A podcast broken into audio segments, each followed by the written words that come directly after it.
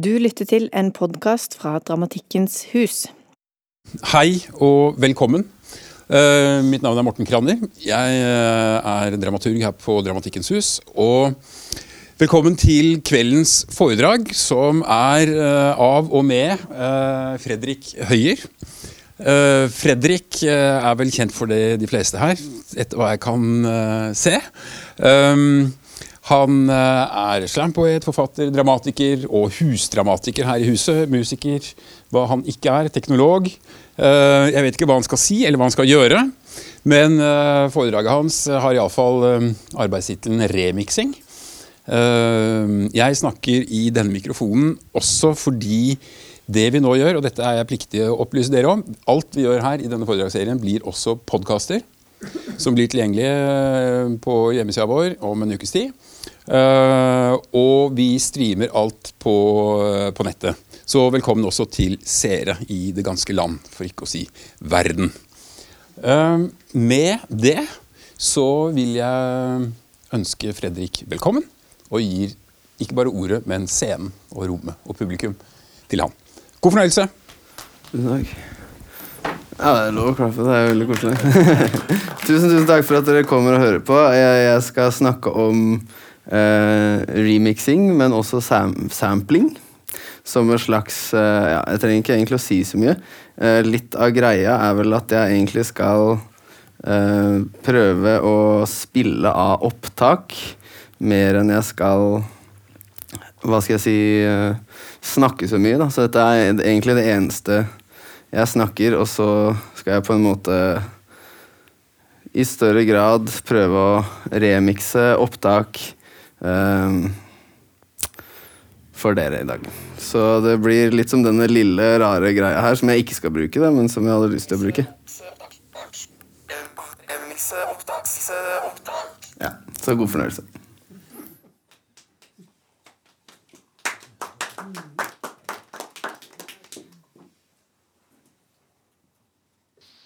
Hallo, hører du meg? Um, nei, jeg skal jo holde det foredraget da, på Dramatikkens hus som uh, handler om remixing. Hva, hva er en remix? er um, på en måte tema da, hvor jeg egentlig skal prøve å fortelle litt om Egentlig litt om ver et verdensbilde. Hvordan uh, jeg ser på på omverdenen rundt meg når jeg skriver, liksom. Og, og lager ting. Hører meg, eller? Ja, så, så det handler om dette på en måte sample-paradigmet, da, hvor du i stedet for å se eh, på hva skal jeg si, skrivinga som noe som, som springer ut av eh, et øyeblikk så er det satt sammen av tidligere øyeblikk. Um, ting du har overhørt. Fått med deg at alt egentlig er biter av informasjon som man uansett, selv om man setter seg ned da og skriver noe fra bånn eller ut fra et tomt ark, så forholder man seg til en rekke tradisjoner man bruker fragmenter da, og, og lager kollasjer, bare i større og mindre grad. Og det vi kaller kollasjer, er vel egentlig bare enklere kollasjer av disse bitene av informasjon. da. Som i, når jeg har jobba med musikk og, og, lyd, da, som jeg har gjort dritmye, ikke så eh, er det da større eller mindre biter av, opptak, feltopptak, små samples, da, faktiske samples. Eller, eh, eller teksten, ikke sant, som en, som en sammensatt uh, helhet av tanker. At tankene er samples, på en måte. Så det har jeg lyst til å belyse ved å, å snakke om remixen. At remixen er en, en sånn åpen form som belyser det. kan du si da, At du tar da andres eh, verk som én stor bit. Eh, og gjør den til noe av ditt eget. Da. At, det, at det, remixen er en veldig personlig ting. Hvor du setter da ditt eget, uh, eget preg på noe. Du tar en bit, setter det inn i din egen verden og gir det videre.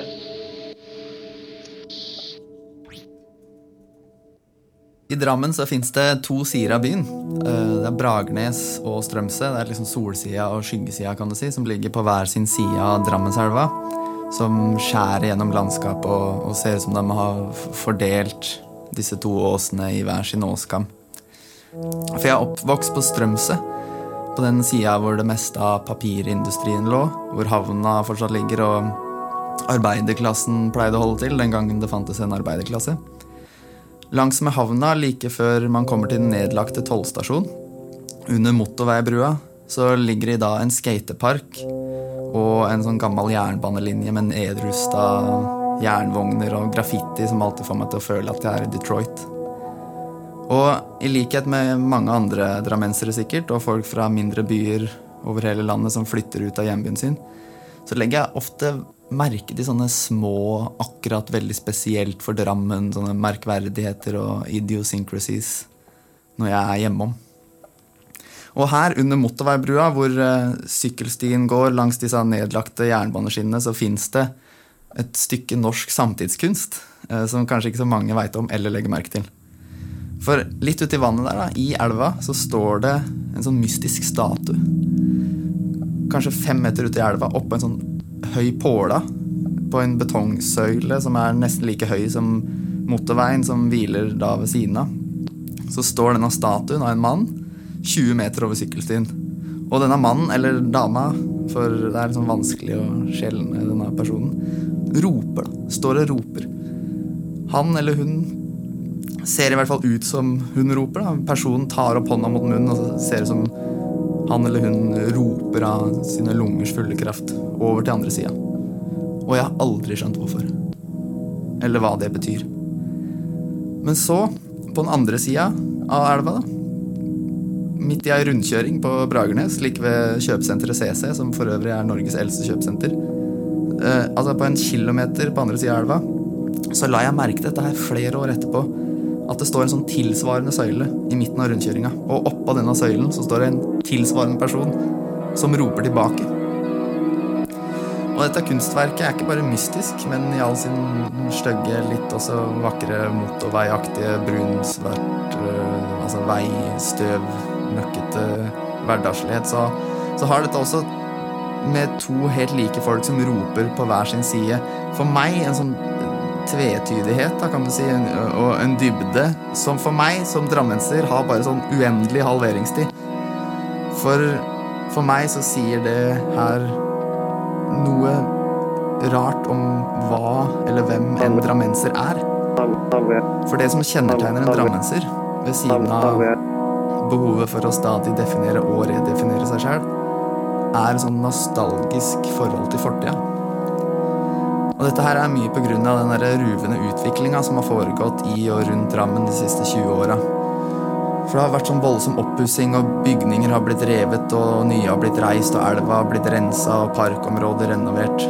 Og tilsynelatende for evig dømte tapere har blitt sånn unge, progressive seriemestere og Real Madrid-spillere. Folk strømmer til byen, og prisene på eiendomsmarkedet øker.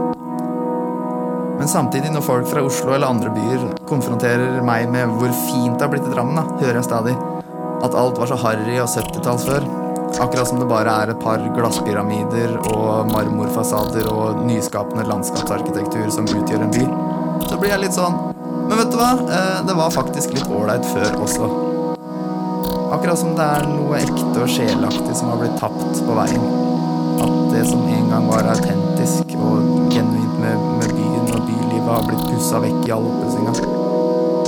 Men idet jeg sier det, så skjønner jeg at jeg like gjerne kunne stått inne i en av disse glasshusa med kontorplasser og kaffebar med sånn torgstein i hånda og kasta. For det kan jo ikke jeg huske. For det kan jo ikke jeg huske. Ikke sant? Altså, jeg husker jeg um, leste Det var før Kanye West-albumet um, The Life of Pablo kom ut. Så var ikke det uh, lov å gi ut i Japan. Uh, fordi i Japan så streamer de ikke musikk. Det er bare De er fortsatt på CD-er og fysisk, da. Så så, så hadde en japansk kunstner, eller musiker, eller begge, eh, laga The Life of Pablo sånn som han forestilte seg at det var, selv om han aldri hadde hørt før. Og det ligger ute på, på YouTube ennå. Og det er bare Det konseptet å reimagine, at du ser for deg noe som eksisterer på nytt, sant? det er veldig um, tett knytta til, til denne tankegangen om, om remixer. På mange måter kan du si at egentlig en reimagining er jo også en remix, men det er bare uten å uh, bruke materialet i seg selv. Men, men kun bruke på en måte ideen om tingen også. Skjønner du jeg mener? Altså Jeg bare husker at det var uh, Bare det konseptet å, å reimaginere, da. Se for deg noe på nytt. Uh. Uh, da oldefaren min var 30 år, så var han sikkert som bestefar allerede. Og tippoldefaren min må jo allerede vært pensjonist. I Abrahams tid så var man statistisk sett allerede død. I løpet av min 30-årige levetid så har 20-åra blitt de nye tenåra. 30-åra blitt de nye 20-åra. 40-åra også de nye 20-åra.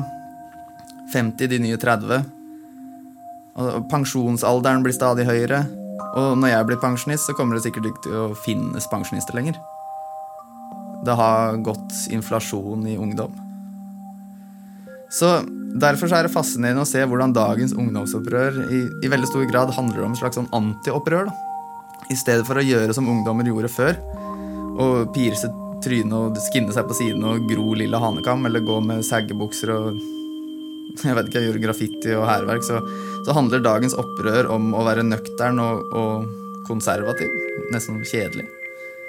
Og, og hvorfor det? Kanskje fordi det ikke er noe helt sånn klar ny vei å gå. Det er ingen ny retning igjen å gjøre opprør i.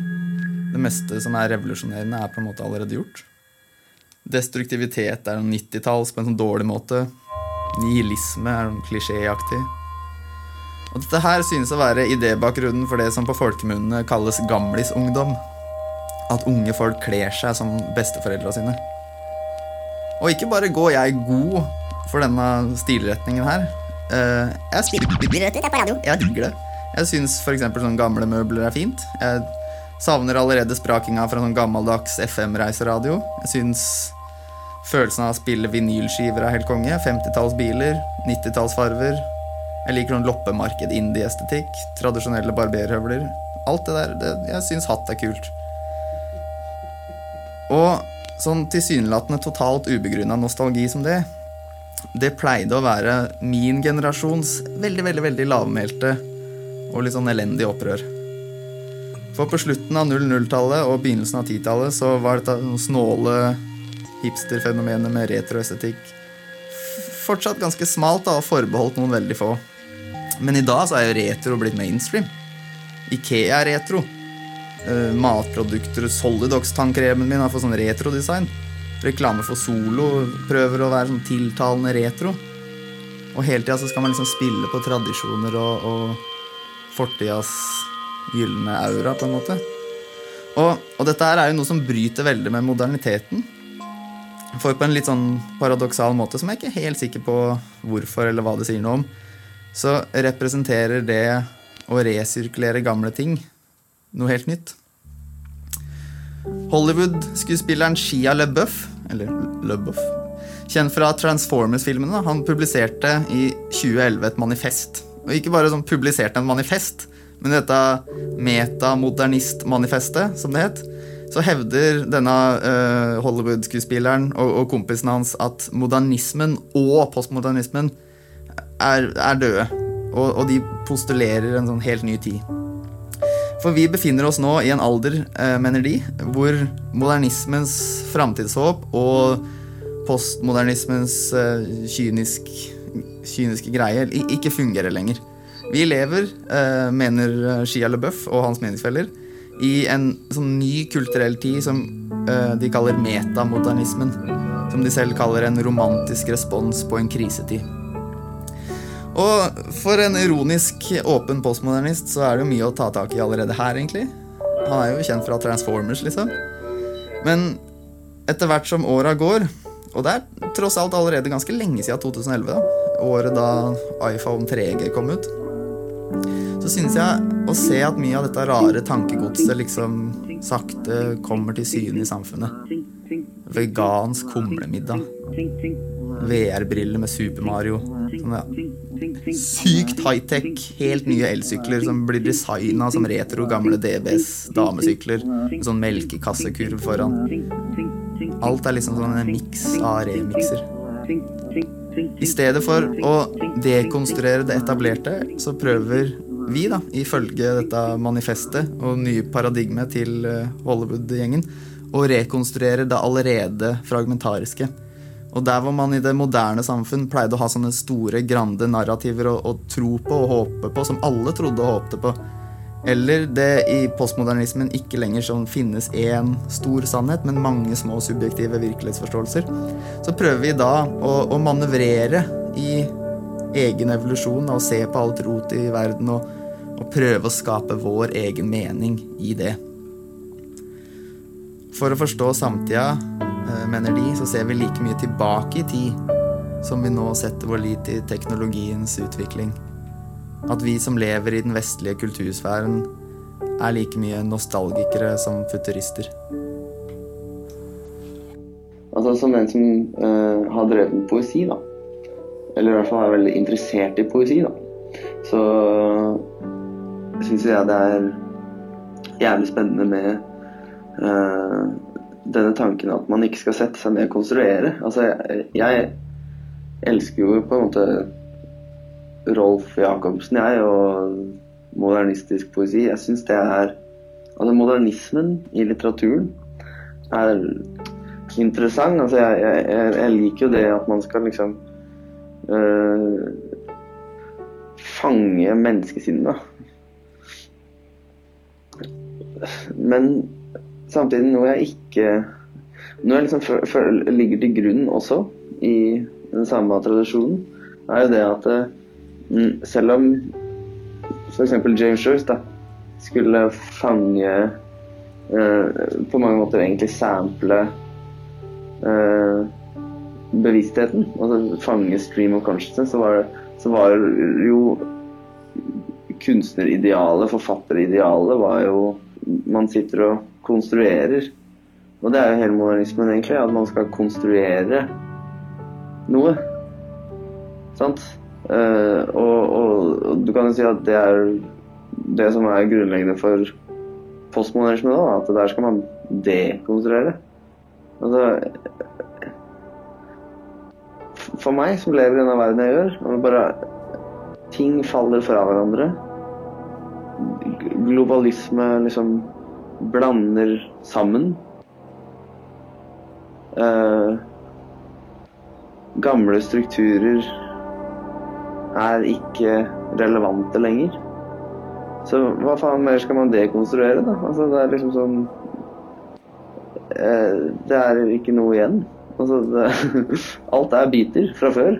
Da må man Jeg ser ikke noe annet på en måte uh, idéretning som er både en slags sånn kreativ, forløsende, frihetsaktig retning, samtidig som det er en slags sånn logisk neste steg, da. Altså, ting er biter. Hva gjør man da? Jo, man setter sammen de bitene i nye konstellasjoner. Er da definitivt såkalt metabo... Definitivt såkalt metamodernisme i praksis, da. For selve ideen bak hiphopmusikk kommer jo fra å mikse og, og sample, sample vinyler.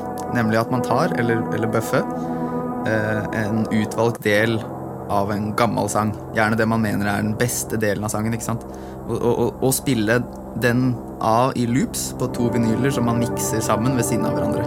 Sånn at det blir en ny sang. Det gamle blir noe nytt. Som en dialog på noen måte. Hvor begge parter hele tida sier det samme. Noe av det mest interessante med hiphop-kulturen er at den da, kontinuerlig forholder seg til sin egen historie og like mye ser bakover som fram, og derfor på en måte prøver å stå stille.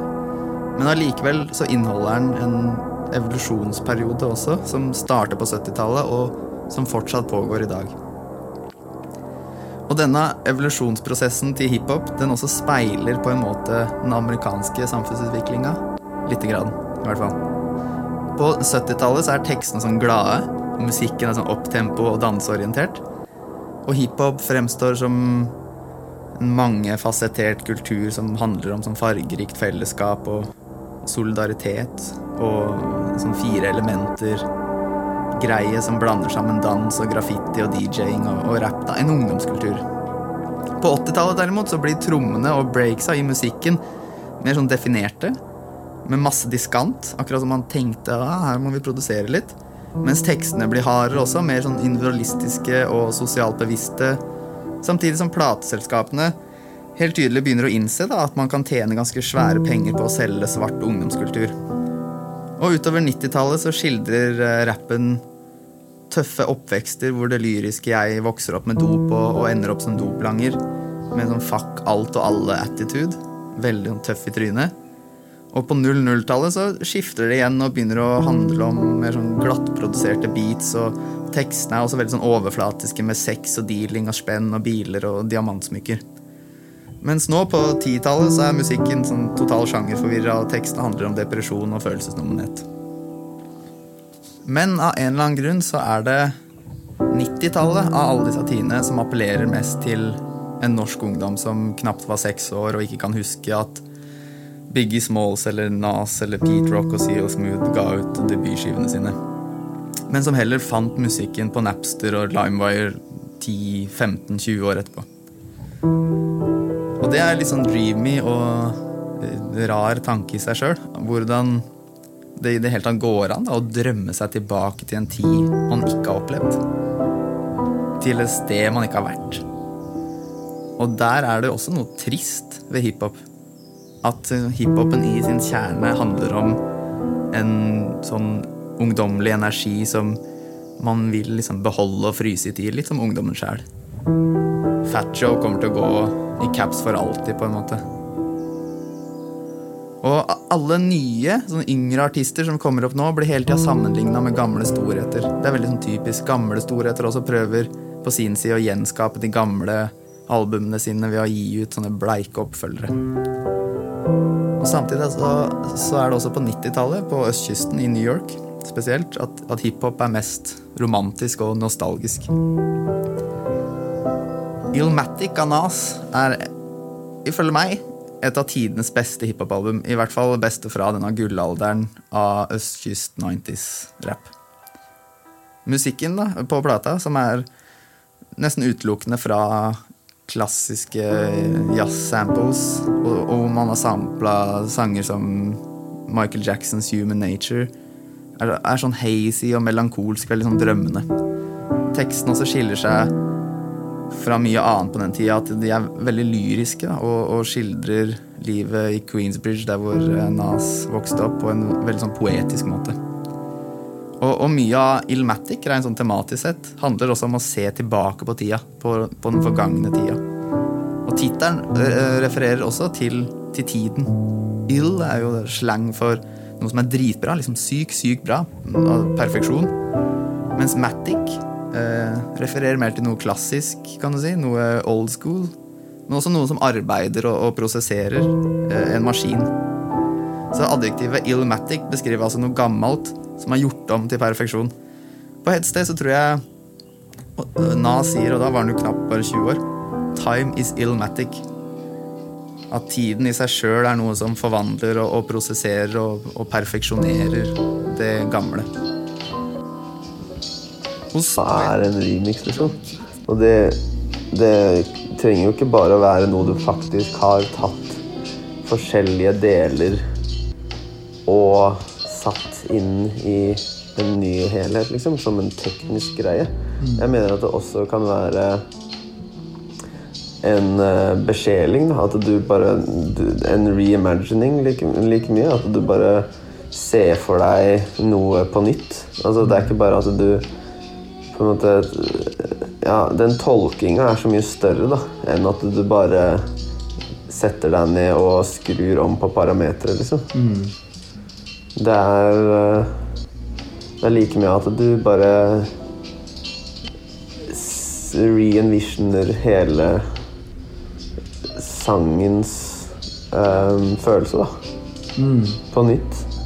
Og sette, og sette ting inn i ny kontekst. Men da er det jo eh, Da er det en samtale, da. Da er det ikke bare én påstand, for da er det to påstander. Ja. Det er det jeg liker med remixen, liksom. Ja. At du kan Du kan eh, på en måte remixe remixen. Skjønner du hva jeg mener? Altså, det er, det, den, den i seg sjøl, som sjanger, viser at bare Det fins ikke én etablert, eh, klarert sannhet, da. Nei. Det er liksom bare versjoner. Mm. Sånn er verden, liksom. Ja. Altså, det er jo det man går Bare når man har en samtale sånn som vi har nå, så er det en slags sånn remix av en samtale vi har hatt tidligere. da. Ja, som faen. Og hvis vi har den samme samtalen med noen andre, så er det også Ja. Altså, det er jo ikke sånn at man kommer opp med ny informasjon hver gang. Nei. Det er ikke sånn at man trenger å liksom skape noe på den måten. Det er bare rekonstruksjoner av på en måte Mm. Eller nei, det er ikke engang rekonstruksjoner. Det er på en måte sånn nye iterasjoner av Bare sånn Ja, det jeg mente eh, i går, det var versjon på en måte sånn 3, 2, 8. Men dette Mark 29. Ja, men dette er på en måte Dette er Mark 30, da. Dette er på en måte versjon 3, 2, 8, 1, liksom. Altså For sånn er det jo hele tiden, så går det jo videre. Altså, jeg, bare uh, At man liksom skal lage alt fra bånn alltid. Eh, da er det som å starte på nytt hver gang, liksom. Det er så jævlig ensomt, da. Det er liksom sånn, Enten så er du en genius, eller så er du en loser. Som ikke klarer å på en måte formidle hva enn som er liksom stort og bra, da. Eller riktig og sant. Og selv når du klarer det, så er du bare ikke alene. Fordi du liksom skapte det helt alene. Remixen i seg selv bare impliserer at vi er mange. Ja. Og at det er den store på en måte, informasjonsstrømmen der ute som vi alle på en måte henter fra. Og sampler fra. ja. Og sånn er det jo faen hvis jeg leser eh, masse bøker, da. Hvis jeg utdanner meg på Blindern. Og setter meg ned og skriver etter ti år, da. Jeg er 40 år, liksom. Jeg har gått rundt og tilegna meg kunnskap. Så setter jeg meg ned og, og skriver et originalverk. Det, er, det er jo ikke fra mitt hode, mitt hjerte. Det er jo tanken i seg selv jeg har gjort meg opp i løpet av de siste ti årene, er jo da en, en stor remix av eh, alt jeg kan. Men med en gang du frigjør deg fra, fra det, da, og Ja. bare går etter scenen, da, og være en genius ja.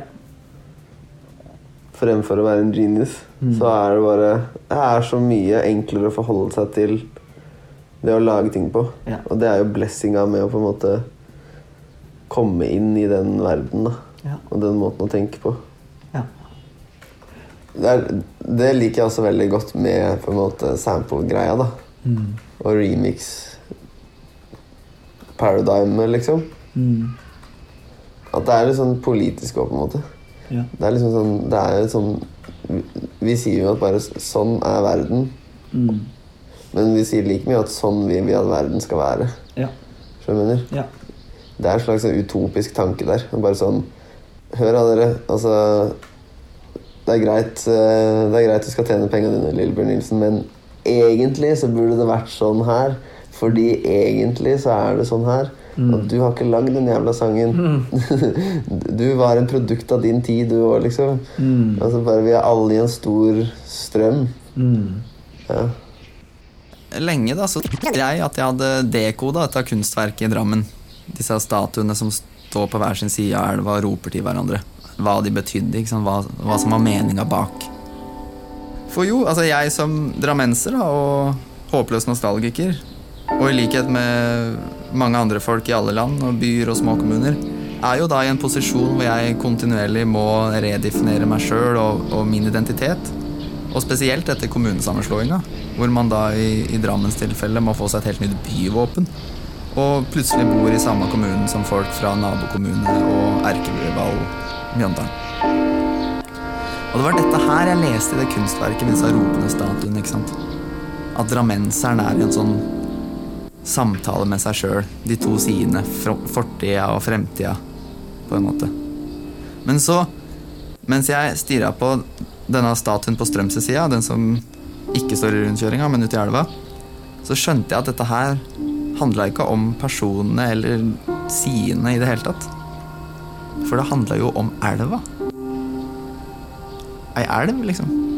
Selve primsymbolet på tid.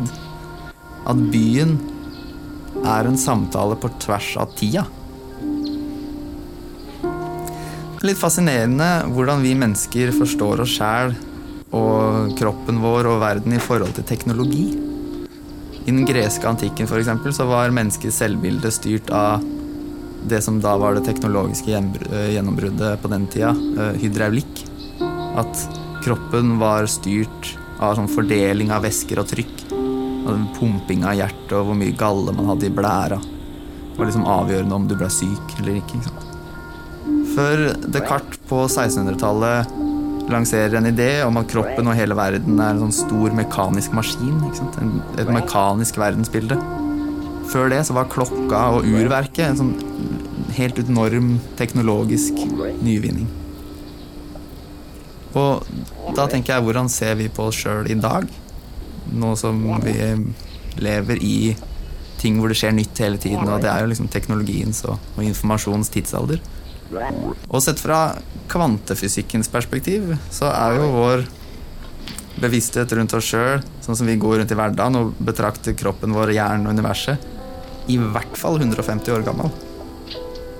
Fordi vi tror, eller vi tror ikke, vi, vi lever jo lineære liv, at vi går fra fødsel til død i en rett strek, og, og, og prøver å lage meningsfulle sekvenser hele veien ut av alt, som et Ibsen-drama i Ibsens egen samtid. Når vi egentlig da er fanga i små og store looper og, og sirkler og spiraler, og vitenskapen helt sånn beinhardt forklarer oss, og har sagt hele 1900-tallet egentlig, at verden, i hvert fall på sånn kvantepartikkelnivå, ikke henger sammen på den måten. For i hvert fall på mikroskala så henger jo universets eh, minste bestanddeler sammen på en måte at det ikke bare er sånn at fortida bestemmer over framtida, at du går fra før til nå og til fram, men framtidshendelser faktisk også kan bestemme over fortida. Tiden er mer sånn samtale på det kvantepartikkelnivået, men det er en samtale som vi opplever som en enetale.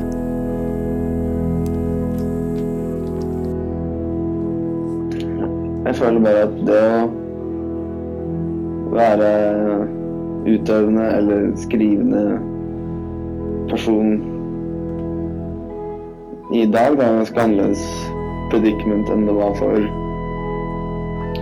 100 år siden, 50 30 år siden, altså 20 år siden. Altså det, det er helt annerledes virkelighetsbilde man må forholde seg til. Altså den det bildet av på en måte å være en slags en ensom sjel i byen og verden er ikke relevant lenger for meg. Altså, Det er bare sånn alle er i samme båt, liksom. Man må begynne å tenke annerledes. Altså, det kommer rapport på rapport som, som sier rett ut at vi liksom må fundamentalt retenke hele uh, levesettet vårt i løpet av tre år, liksom. Altså Samtidig så, så, så er det jo Altså, det er en helt annen teknologi, sant. Altså, jeg kan jo sitte og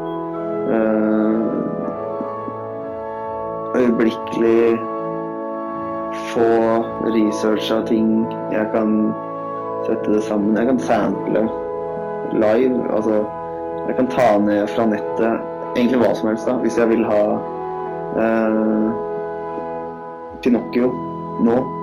Så trenger jeg egentlig bare fem minutter, så har jeg Pinocchio som jeg kan kutte ned i små Pinocchio-biter.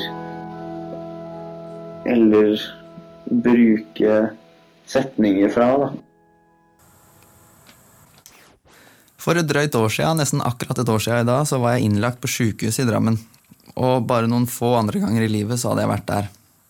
Og det slo meg egentlig straks hvor lite som hadde skjedd inne på dette sjukehuset her.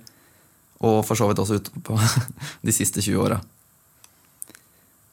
Da jeg var innlagt med kraftig hjernerystelse da jeg var rundt sju år, så kan jeg likevel sånn vagt erindre at linoleumsgulvet var i samme mønster og veggene i samme farve.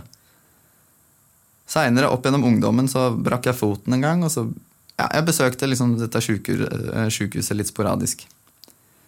Og jeg kunne kjenne igjen disse småtinga, de der åkergule gardinene og rammene på sjukesengene mariekjeksa og skolegårdsaktige barnemaleriene som preger noen få utvalgte vegger. Og der det sikkert hadde vært en barneavdeling tidligere. Den der retro pasientskjorta man får utdelt, så den ganske kjent ut, den også. Eller kiosken nede i ankomsten da, i første etasje. Eller interiøret i den kafeteriaen. Som på en måte skal forestille utsida av et hus, og som får meg til å tenke på Mot i brøstet. Altså, de serverte til og med den samme maten. Altså, de samme karbonadesmørbrød og, og emballasjen på den én porsjon syltetøypakka. Alt var helt uforandra gjennom tre tiår. Og det var helt greit. For det første så forsto jeg jo at dette sjukehuset her skal flytte. For dette skal snart legges ned, og kommunen skal bygge et nytt. Og da selvfølgelig så pusser de ikke opp de små skilta hvor det står hva som er dagens i kantina da. Når sjukehuset flytter til denne nye tomta i Fjordparken, eh, tenkte jeg det kommer vel alltid å bli så nytt at selv den jusen i dispenseren kommer til å gå fra den gulrot-kartongfrokostjusen til ferskpressa Ronia. Men det jeg syns var overraskende ok da, ved å være på dette gamle sjukehuset, ikke bare pga. folka som jobba der, eh, det var det at det var litt sånn gammelt og kjent. Og det var en tanke som bokstavelig talt tok meg helt på senga. For jeg har jo alltid sett på dette sjukehuset som ja, noe sjukt, da. Noe, noe skummelt. Et slags sånn forsteina fjelltroll i Bragernesåsen. En fotoboks, grå kjempe som er laga for å være usynlig. Men, men hvor innvollene er sånn gule og som har korridorer som sakte fordøyer deg når du kommer inn i systemet dens.